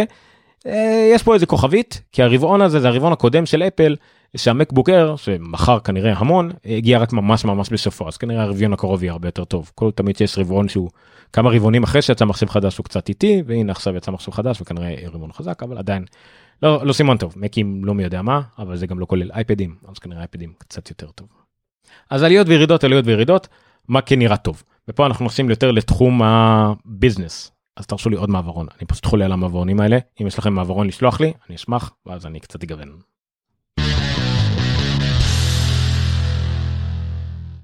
Piper Sandler שוב הרבה חברות analytics יש בארצות הברית. העלו את המחיר של מניה של אפל בגלל סקר מאוד מגניב שהם עשו הם סקרו 5200 אה, בני נוער. מתוכם 85 אחוזים אמרו שיש להם אייפון 88% מהם אמרו שגם המכשיר הבא, או יש פה הפרש של 3% אז לפחות יהיו 3% חדשים, גם המכשיר הבא יהיה אייפון. 52% מהם יש איירפודס ועוד 18 על ה-52% האלה יקנו AirPods תוך שנה. אז כמובן שהעלו את המחיר יש פה כמה אה, כמה עניינים כמובן שזה אה, בני נוער כנראה ממשפחות אמידות יש פה איזה עניין של רובם מעל 60 אלף דולר בשנה אז זה מעל הממוצע נגיד בארצות הברית ועוד חלק מעל 100 אלף דולר שזה כבר אמידים יחסית אה, אבל עדיין זה מסוג הדברים שמאוד אוהבים לשמוע בחברות analytics עם כל המצב עם כל הדברים בני נוער הם עדיין שוק מאוד חזק שמשפיע גם על ההורים שלהם וכדומה אז אה, שוב בארצות הברית בארץ המצב כמובן שונה לגמרי. עדיין אייפון אה, מאוד מאוד חזק אצל בני הנוער. עוד בביזנס אפל כנראה יקנו קונים חברה שנקראת Next VR. התמחות שלה היא ביצירת uh, חוויות של מציאות מדומה לאירועי ספורט ובידור. אז כן אז זה סוג של חוויות מציאות מדומה בתוך אירועי בידור שאתה שם קסדה ואתה חלק מהחוויה. נחמד אני לא חושב שאם אפל תקנה אותה זה יהיה נטו בשביל זה אלא יותר כדי להרחיב את הטכנולוגיה את האופציות את החדירה שלהם לשוק.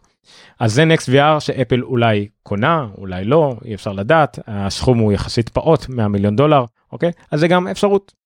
ועוד חברה שאפל אולי קונה אולי קנתה אני, אה לא פה כתוב קנתה קשה לדעת הזמנים באנגלית הם מאוד מאוד מוזרים כי העבר הוא גם הווה ואולי זה העתיד אני לא יודע. אז אפל אה, קנו חברת אה, אה, AI אוקיי artificial intelligence תבונה מלאכותית אוקיי כי שהחברה הזאת מתמחה בלשפר לשפר הבנה של עוזרות קוליות. אז שוב כדי לעזור לסירי להבין natural language להבין שפה ברורה שפה פשוטה שלא צריך לדבר עליה בפקודות ואין ספק לאף אחד שסירי ממש ממש צריכה את זה. אז נקווה שהחברה הזאת למרות שכשקונים חברה אולי רואים את התוצאות רק שנה שנתיים אחר כך נקווה שזה בהחלט ישפר את אה, סירי חלק מהרגליים של העתיד שאפל בונה עליו לדעתי. אוקיי אה, לפני שנלך להמלצות אני אלך לקצת אה, חדשות קורונה זה יצריך ממני איזשהו אה, juggling של אה, לינקים אז שלחו לי בזמן שאנחנו אה, עושים עוד מעברון קצר ועוברים לחדשות קורונה. אוקיי, אז הידיעה הראשונה היא שאפל מייצרת עוד מסכות. אוקיי, אז uh, אפל הבטיחה משהו כמו 10 מיליון מסכות, אבל הצליחה לייצר אה, 20 מיליון. כאן טים קוק מדבר על זה מאותו מקום בבית שלו שהוא אוהב לדבר ממנו בפייסטיים. אוקיי, אז מה שטים קוק אומר שבעצם אפל התחילה לתכנן לייצר ולשווק משכות מגן שמיועדות בעיקר לאנשי צוות, לא, לא למשתמש רגיל, uh, ואפל כמו אפל זה הגיע עם ממש הוראות הפעלה של איך אה, לשים את המסכות האלה, איך לייצב אותם. אז אה, זה היה מאוד אה, משעשע. רואים פה ממש, כמו שאנחנו מכירים knowledge base articles, כאילו מאמרים טכניים של אפל, ממש הסברים באנימציה של איך לשים את המסכה על הפנים. מרשים מאוד, מגניב מאוד. עוד חלק מהדרך בה אפל מנסה לעזור בזמן קורונה זה לתמוך בסוג שמאוד חשוב לה, שוק המוזיקה. אפל אה, הקימה קרן של 50 מיליון דולר ללייבלים עצמאיים של מוזיקה. כל מי שהרוויח, אה, אני חושב, לפחות 10 אלף דולר בחודש ממוזיקה, מאייטונס, מאפל מיוזיק עד עכשיו, יוכל לקבל עד 50 אלף דולר לדעתי, מענק על חשבון עתידי מאותה קרן של 50 מיליון דולר, בגלל שהכנסתו נפגעת, בגלל שלא יכול, לא יודע, לשווק, להוציא, להופיע, בגלל כל המצב, או שאנשים פחות מקשיבים לאפל מיוזיק. בכל מקרה אפל הקימה קרן במיוחד בשביל זה. מאוד יפה בסך הכל חלק מהצעדים שלהם. עוד חלק בו אפל תורמת אה, זה באירוע אוקיי יהיה אירוע ענק אה, שנקרא one world together at home יהיה ביום חמישי בין ה-18 ל-19 לאפריל בארץ. יועבר אה, באפל TV פלוס יועבר חינם שוב בכל אפליקציות אפל TV בכל מקום שאפשר לראות את האפליקציה הזאת. אה, זה קרן מאוד נחמדה. אה, גייסו לנכון לכתיבת שורות אלה 35 אה, מיליון דולר כשאפל תרמה 10 מיליון דולר. התרומה בוצעה כאילו בשידור חי בג'ימי פאלון ליידי גגה התקשרה לה ב FaceTime וזה היה מאוד משעשע ככה כאילו זה מאולתר אבל לא. עדיין אפל תרמה 10 מיליון דולר לאירוע הזה שיועבר בשידור חי. עוד משהו יפה שאפל עשתה אה, כיוון שאפל מאוד התבססה על קשר מול הקהל שלה אז היה משהו שנקרא Today at Apple. יכלתם לגשת לחנויות מסוימות של אפל להירשם לסדנאות וממש היה לכם סדנאות יפות עם אה, שמסבירים לכם לפעמים ממש דברים מקצועיים איך עושים דברים מ Keynote ו Pages ו iMovie ואפילו את Final Cut וכדומה אה, אבל כבר אי אפשר לעשות את זה אז אפל עשתה משהו חדש שנקרא today at apple at home. אוקיי אז כל אחד יכול אה, להיכנס לזה בעצם לראות את, ה, את הדברים האלה מאפ, מהבית סליחה אה, וזה נחמד נחמד איך לצלם טוב עם האייפון איך לעשות פרויקטים איך לשמח את סבא וסבתא וכדומה. במקביל הם הוציאו גם אה, נחמד אה, ערכת פעילות 30 פעילויות שילדים יכולים לעשות בבית עם מומלץ אוקיי? מומלץ עם, עם, אה, עם מכשירים כמו אייפד או אייפון וכל הכלי תוכנה שיש בהם אבל לא חייבים יש פה הרבה דברים חמודים ופשוטים אה, כמו אה, למשל create comic strip אוקיי? אה, record news interviews לעשות אה, חדשות הרבה דברים מגניבים אם כמובן זה, זה, זה לא סתם אלא כל אחד יכול בעצם אה, אה, להיכנס לזה ו, ו, אה, וממש לעשות את הפעילויות לראות ממש רשימה מפורטת. בוא נראה את זה.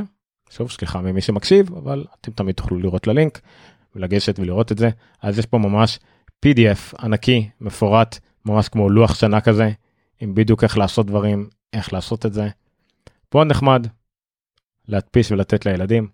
שוב הרבה עושים את זה ראיתי את איקאה עושים את זה אבל נחמד שגם החברה האהובה עלינו אישית עושה את זה. אה, ונסיים את חלק הקורונה הזה עם משהו נחמד שראיתי אותו ממש הוא עלה ביוטיוב אז היה מגניב שהייתי מהראשונים שראו אותו.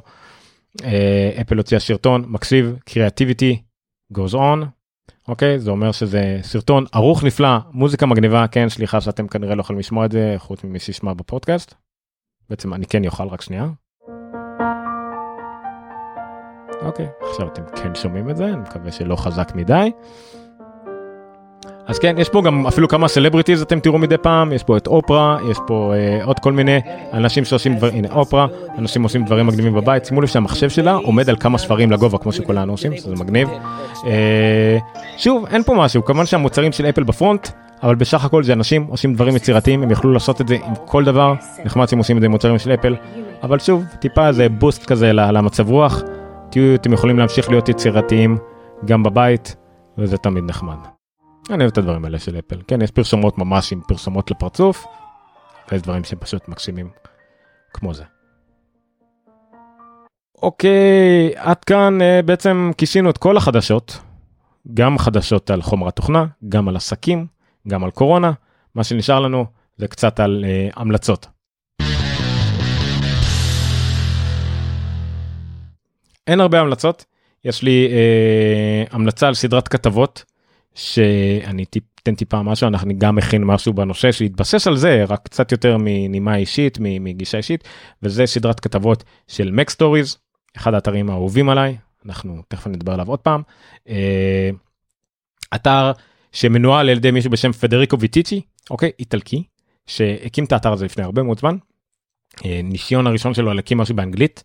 אה, היה אתר שאמור להיות על חדשות מק הוא בדיוק קנה את המק שלו ואז לא ואז לא מיד אבל בשלום מסוים היה לו אירוע לב אה, מאוד חמור והיה מאושפז להרבה מאוד זמן ואז האייפד פחות או יותר יצא.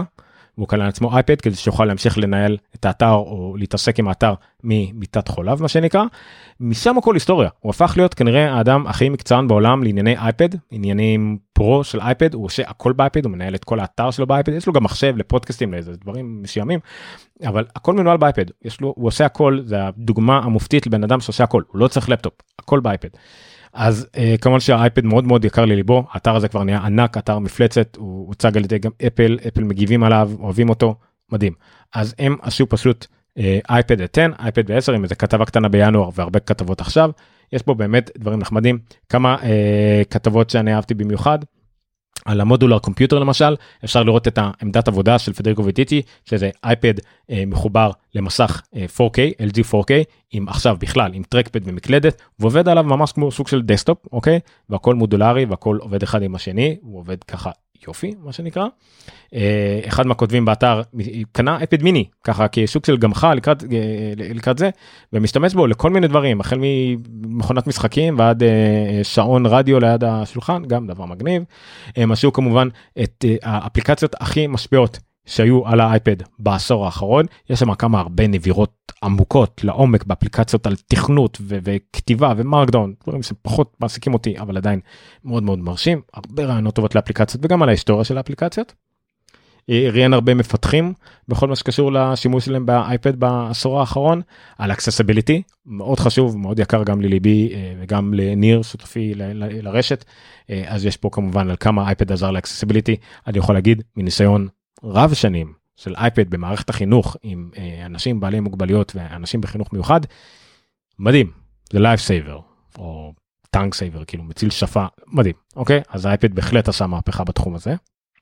והכתבה שהתחילה את זה את הגל הזה אייפד איך הוא יצא מהצל של האייפון שכולם עוד קראו לו אייפון גדול אני זוכר את זה טוב מאוד עבדתי בדיגיטל כשזה קרה אז אה, מגניב אז זה סדרת כתבות מקסימה אני ממליץ לקרוא את כולה אני הולך לקרוא את כולה קראתי כבר חלק אה, אז אה, טוב במסגרת דע מאין באת ודע לאן אתה הולך. אוקיי שתי המלצות על אפליקציות אה, אחת אפליקציה אני חושב שהיא גם לאייפד גם לאייפון וגם למק אז אני אתחיל ממנה זה פיקסל מטר עכשיו נכנסתי לאיזשהו דיון. אני קראתי לאפליקציית אה, תמונות הכי טובה שאני מכיר לדעתי סליחה קצת טעיתי בניסוח שלי מה זה לדעתי לדעתי על סמך הניסיון שלי אוקיי אני לא יודע אם יותר טובה מלייטרום או פוטושופ השד יודע מה. למה שאני ניסיתי למגבלות של הידע שלי אה, ליכולות הכספיות שלי ולמנויים שאני משתמש בהם האפליקציה הזאת מעולה העדכון האחרון שלה שבשביל זה באה הסקירה של פיקסל מטר פוטו 1.2 העדכון הזה הכניס את כל מה שאפל הציגה ב-iOS 13.4 הם כבר הטמיעו את זה. אוקיי אלף כל תמיכה ב Split View שהיה קיים אבל הם הכניסו את זה הרבה יותר עמוק אפשר לראות את Pixelmator Photo עם עוד אפליקציה על אותו מסך תמיכה ב trackpad אוקיי אה, זה גם כן מאוד חשוב במיוחד אם אתם רוצים לערוך קצת יותר מדויק למרות שעריכה עם ה Pencil מקסימה ב Pixelmator. הם הוסיפו מה שנקרא Machine Learning Match Colors אני לא יודע אם יש פה דוגמה לזה. זה דוגמה למשהו אחר זה דוגמה לריטאץ' עם הטרקפד וכדומה. ואת ה-Match Color יש פה איזה דוגמה שוב אם אתם uh, תראו אתם פשוט בוחרים תמונה אחרת אה, עם פלט הצבעים אחרת שאתם רוצים ומתאים את התמונה הנוכחית לפלט ההיא. אני ניסיתי את זה.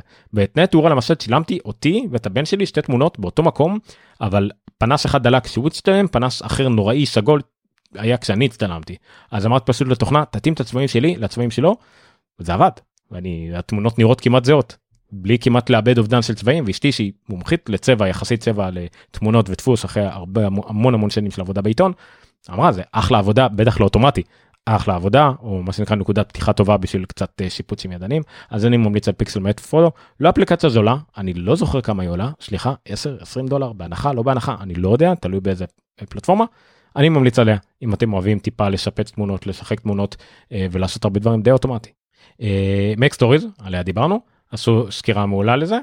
עשו אה, סקירה מעולה לאפליקציה תמיד שווה לקרוא את הסקירות לאפליקציות ל-iOS של Mac הן תמיד מפורטות, הם תמיד מקבלים את האפליקציות לפני כולם, אה, אז הנה קצת על הסקירה הזאת. אה, אז האפליקציה השנייה, האפליקציה השנייה היא אפליקציה לשעון, שזה דבר שנראה לי שמעולם לא ממש ממש אה, המלצתי עליו. אפליקציה לשעון היא, שהיא של מפתח די מפורסם, לפחות איפה שאני מסתובב מה שנקרא, שנקרא דיוויד סמית. הוא הוציא הרבה אפליקציות אה, אה, לשעון אם יש אפליקציות שלמדתם כמו Pedometer plus plus Sleep plus plus Activity plus plus אלה אפליקציות שלו.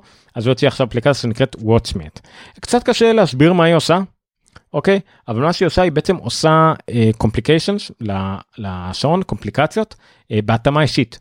זאת אומרת במגבלה במגבלה של מה שאפל מרשה אבל עם דברים שאפשרה בוואטסו 6 שזה הרבה מאוד דברים בגללם הוא פיתח את האפליקציה הזאת זה אפליקציה שהיא עולה שוויצרי לקומפליקציות אתם יכולים לשנות פונטים צבעים והכל של הקומפליקציה שלכם אתם יכולים לבחור מתוך הרבה מגוון של קומפליקציות שהוא עשה שבעצם מכסות את רוב השימושים שיש לנו במכשיר משעון ועד פעילות ועד uh, מזג אוויר ועד מצב ירח uh, גובה גלים לא יודע כל מיני דברים האלה הם חלק מהאפשרות שאפשר לבחור לקומפליקציה שלכם והכי מגניב שאתם יכולים לבחור שהקומפליקציה תשתנה במהלך היום. זאת אומרת שבבוקר יהיה לכם קודם כל אפליקציה של מזג אוויר כי אתם רוצים לראות מה קורה בחוץ. מיד אחרי זה הקומפליקציה נגיד ב-9 בבוקר אפליקציה הקומפליקציה הופכת להיות של יומן של לוח פגישות כי אתם בעבודה. בערב היא הופכת של אקטיביטי כי אתם הולכים לחדר כושר מיד אחרי העבודה ובערב על מופע ירח או שקיעה או דבר אחר שאתם רוצים ואז אה, לקראת אה, לילה אה, קיצור דרך לשעון מעורר או לפלייליסט למוזיקה שלכם שאתם יכולים לשמוע בשינה. אז זה משתנה לפי השעון ביום מאוד מגניב יש פה גם אה, דרך ויזואלית מאוד יפה כדי להגדיר מה אתם רוצים שיקרה ביום. האפליקציה הזאת היא חינמית בעיקרון, רוב הקומפליקציות הן בחינם, האפליקציות שהן בתשלום, הן כאלה שקשורות לצד שרת, זאת אומרת שהוא צריך לשלם אה, למישהו. אה, כמו שירות מזג אוויר או דברים כאלה כדי להחזיק את זה פועל אז הוא מבקש על זה תשלום מנוי לא זוכר 20 דולר בשנה או משהו כזה. אה, אחד מהביקורות במערכות שאמרו על זה שזה נראה כל כך טוב וכל כך בסיסי שאפל בטוח תגנוב לו את זה. עכשיו הוא אז הוא אמר שני דברים. אלף כל אני בניתי את זה על בסיס מה שאפל נותנת אוקיי? ב-API שלהם ב watchOS 6 זה מה שהם נתנו. הדבר השני זה שאני מת שאפל יגנבו לי את זה. אני עשיתי את זה אני עושה דברים כאלה לא אכפת לי שאפל יגנבו את זה שיכניסו את זה לתוך המערכת הפעלה את העניין הזה של, ה, של הקומפליקציה שמשתנה במהלך היום. הלוואי זה בטוח יהיה יותר טוב ממה שאני יושב ויהיה יותר מוטמע במערכת הפעלה אז שיקחו את זה הוא נהנה מזה הוא מפתח את האפליקציות האלה יש לו המון אפליקציות הוא מאוד פורה מכניס לא רע מן הסתם כי אבל הוא חי מזה. אז זה מרשים. עדיף לקרוא את הסקירה של מקסטורי זה יותר מפורטת וקצת יותר מפרטת מה, מה באמת יכול לקרות יש פה הגזמה למשל של כל שעה קומפליקציה אחרת זה מגניב אה, תלוי גם כמובן באיזה איזה וואטספייס אתם משתמשים ובהתאם לזה רק תוכלו להוסיף. סך הכל מגניב. אה, מה זה סך הכל גם בלי סך הכל זה מגניב. אוקיי אז אלה היו המלצות. אני לא חושב שאני עוקב אחרי כמה זמן כבר הפרק הזה. קצת יותר מהשעה שאני מבטיח לעצמי לפרק ממוצע, אבל בסדר, היה לנו לדבר על קורונה, זה היה חשוב. אנחנו על שעה 22 לתוכנית שקיוויתי שלעולם לא תהיה יותר מחצי שעה. חיים קשים. אז אני רוצה בכל זאת לסיים במשהו חדש שאני מנסה פה, אוקיי? נקרא לזה פינת הפרו. אוקיי? אני בעבודה שלי, אני במרכאות מומחה אפל, אני עושה אינטגרציה של אה, מערכות אפל בחברות, עסקים, חינוך וכדומה, אני מטמיע ניהול מקים אה, בסקלות, בסקלות גדולות של חברות בין עשרות למאות לאלפי אה, מקים ואיך זה משתלב עם המערכות מחשב שיש להם או חברות שהם רק מקים. אני עובד בחברה שנקראת ווידיגיט. אה, סוג של גילוי נאות לא שאני אי פעם מסתיר את זה ווידיגיט אה, אני חושב להגיד שאנחנו די מובילים בארץ בכל העניין הזה עם שירות עם תוכנת ניהול שאנחנו משווקים אותה בארץ שנקראת Jamf Pro המובילה בעולם סוג של למי שלא מבין אז נגיד Active Directory למקים ממש בהכללה מאוד מאוד גדולה ומאוד גרועה. אז זו ההתעסקות היומית שלי לעזור למנהלי IT במקים ולמצוא דברים וכדומה אז החלטתי לעשות פינת פרו. היא תהיה בחסות ווידיגיט נקרא לזה אוקיי אה, אה, בגלל שזה כל כך קשור לעבודה שלי לא רציתי להסתיר את זה אז זה כלים שאני מביא מהעבודה שלי או כלים שאנחנו משתמשים בהם או כלים שאנחנו ממליצים עליהם אה, ווידיגיט נקרא לזה תיקח על זה חסות חסות במובן של חוסה את כנפיה פורסת את כנפיה על הפינה אין פה שום החלפת כסף זה פשוט מה שאני עובד בו. אז על מה אני רוצה לדבר עכשיו אני רוצה לדבר על משהו שנקרא פרופילים פרופילי ניהול. אה, מי שנמצא אולי בקטנה בעולם הזה של אה, ניהול וגם מי שמבין קצת לא יודע פריצת אייפונים בכל מודל יודע מה זה פרופיל פרופיל ניהול. אה, אם פעם רציתם להוריד איזה תוכנה מוזרה מהאינטרנט כנראה אמרו לכם תתקינו פרופיל ואז זה יאפשר חלק מהתוכנות VPN מתקינות פרופיל פרופיל זה דרך בעצם לעשות סט של הגדרות מוכנות מראש למכשיר. אפשר ליצור את הפרופיל הזה גם עם Apple Configurator תוכנה חינמית ב App Store יש כל מיני תוכנות צד ג' אבל מה שאני רוצה לדבר אותה היום זה שחברה בשם iMazing הרבה מכירים אותה אה, שעושה כל מיני אה, כלים כאלה שמכירים אותה בעיקר שיודעת לגבות אה, אייפונים לא דרך iTunes יודעת לשחזר מידע לא דרך iTunes לא לשחזר אלא למשוך מידע מאייפונים. חברה די מוכרת. אז היא הוציאה עכשיו גם כלים לביזנס אוקיי? לפרופשיונלס. אחד מהם נקרא ה-Amazing Profile Editor שהוא בעצם מייצר פרופילים.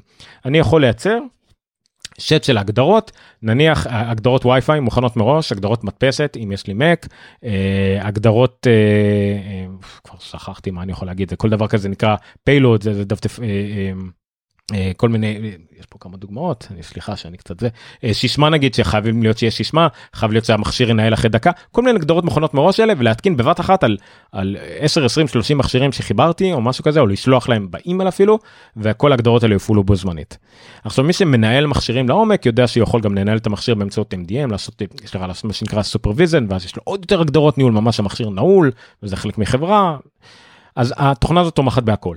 התוכנה הזאת באה לתחום שיש בו כמה מתחרים, כולם כמעט חינמים וקוד פתוח, גם היא מבוססת על קוד, על קוד פתוח שאפשר לראות אותו והכל, אבל התוכנה עצמה הזאת, אה, אה, בעצם הם גם שחררו את זה חינמית, אין פה משהו לתשלום, אבל היא עדיין, אה, היא עדיין אה, בלעדית, אוקיי? יש תוכנה אחרת שנקראת פרופיל קריאטור אפשר להוריד אותה היא, היא קצת יותר קוד פתוח אז זה בסדר אה, אז זה עדיין אפשר מגניב יש פה גם תמיכה באפליקציות צד ג' זאת אומרת מראש להכניס למישהו שה-VLC בהגדרות מסוימות הסלק או הפאפקס וכדומה. עכשיו אותה חברה איימזינג עשו עוד איזה כלי שאני לא אדבר עליו עכשיו שנקרא קונפיגורטור הוא כבר חלק מהחבילה הכוללת שלהם. הוא דומה לאפל קונפיגורטור שיש למק אני עוד לא ניסיתי אותו. Uh, בניגוד לפרופיל אדיטור שאני יכול לנחש מה הוא בדיוק עושה ומה הוא נמצא קונפיגורטור הוא כן הוא אמור להיות דומה בדיוק למה שיש לזה של אפל אבל זה קצת יותר מסורבל, קצת יותר קשה לי לסמוך על זה מבלי שאני בודק את זה לעומק. אבל אם אתם רוצים לשחק עם העולם הזה, אתם יכולים כבר עכשיו להוריד את ה... אה, את ה-iMazing Editor, אה, לשחק איתו. אה, אתם יכולים לקרוא את הפוסט הזה שבמקרה דורון כתב, תודה דורון, וזה דרך נחמדה אם אתם רוצים טיפה לשחק עם הדברים, רק תסתדרו לא להרוס שום דבר, אוקיי? במק קל יחסית למחוק פרופילים, אתם לא רוצים להגיע למצב שבאייפון לא תצליחו למחוק את הפרופיל, אתם כנראה תצליחו, אני סתם מפחיד אתכם, אבל סתם תיזהרו. זה, זה, זה העניין אחד, זה עדיין איזשהו דבר פרו נקרא לזה, דבר מקצועי שאפשר לעשות עם האייפון, אייפד או מק. אבל תענו, למה לא? אני בעד לשחק בגדול, רק uh, על אחריותכם, מה שנקרא.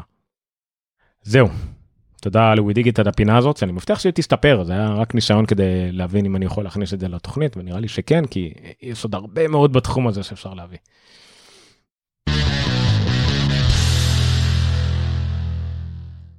אוקיי, אה, אז עד כאן, בגדול, אפלוג. אני לא הכנתי לעצמי פסקת סיום, כי לא ידעתי מה יקרה מהפרק הזה.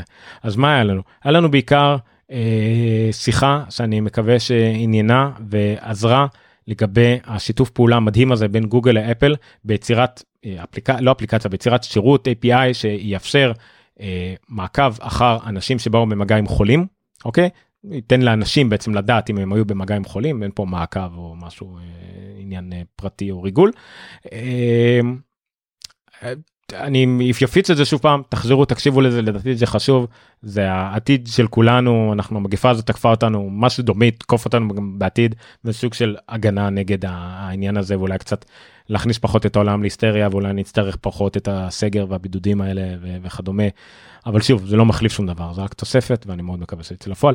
חוץ מזה היה לנו חדשות קטנות על אה, חומרה תוכנה לא היה הרבה השבוע די חלש מהתחום הזה היה הרבה בעסקים אחוזים עלו אחוזים ירדו אה, הרבה חדשות על קורונה כולם מתעסקים עם זה אבל זה מוציא את המיטב לרוב זה מוציא את המיטב מאנשים גם מאפל עם עזרה ותרומה וקונצרט יפה שיהיה אה, תכנים חינמים ב Apple TV Plus אה, שיתוף פעולה עם אמזון שיוצא מאוד מאוד טוב ומאוד משתלם לכולם בסך הכל זה לגמרי win win situation וגם כמה המלצות קטנות שהבאתי בסוף על אפליקציה לשעון על Pixelmator וגם על iMazing Profile Editor. זהו זה הפרק 14 של האפלוג. הוא התחיל ונגמר ב-13 לאפריל. זה די נדיר מבחינתי אני אוהב לגלוש לימים. אה, אתם יכולים למצוא אותנו אפלוג אה, אה, בפייסבוק אפלוג פודקאסט ומחשבות על אפל. גם הקבוצה דיונים אה, עמוקים פחות או יותר על אפל קבוצת פייסבוק. גם בטלגרם הקמתי גם ערוץ בטלגרם היה שם איזה דרישה מסוימת יש כמה אנשים כלומר כל מה שעולה לפייסבוק עולה גם לטלגרם ואני מנסה מדי פעם אני אנסה לעשות שם דברים קצת יותר אישיים עם אנשים שם היו מעורבים. אה, גם קבוצה בטלגרם שאני מקווה שמתישהו קצת אה, תקבל פעילות. גם בטוויטר אפלוג קיימים. אה, אינסטגרם שם עשיתי לא יודע למה. כולם באינסטגרם הצעירים לא, לא יודע. אה, והכי חשוב כדי למצוא את כל הפרקים לכו לאפלוג.רפי.מדיה זה עמוד הבית של אפלוג שם תמצאו את כל הפרקים כל הרשימות והכל. אם אתם רוצים ישר להגיע לאיך נרשמים בכל אפליקציה אפשרית אז זה מי סליחה נקודה טו אפלוג אבל לא משנה אה, אפשר להגיע אלינו בספוטיפיי ב Anchor באפל פודקאסט בגוגל פודקאסט כל הפלטפורמות אנחנו נמצאים בכולם. תודה רבה לכל מי שנרשם בחודש האחרון עלינו באיזשהו שלב גם למקום ראשון באפל בטכנולוגיה. תמשיכו והכי חשוב להפיץ את התוכנית הלאה ספרו לחבר או שתיים שיש פודקאסט בעברית על אפל שאני אוהב לענות על שאלות אוהב לקבל שאלות אוהב שמעורבים אוהבים להתווכח איתי תריבו איתי תגידו לי שאני מעריץ אפל יותר מדי אני אגיד לכם אוקיי אז אה, וזהו. אז אני הייתי אומר ניניו זה האפלוג. תודה שהייתם איתנו תודה לדורון שעזר לי עם הפרק תודה לווידיגיט ממשיכים אה, להחיות בי את התשוקה והאהבה הזאת אה, לאפל ואני מקבל על זה כסף אז וואלה פראיירים. סתם לא בבקשה. אה, זהו לילה טוב אני אפרד מכם. די זה שעה וחצי. לילה טוב.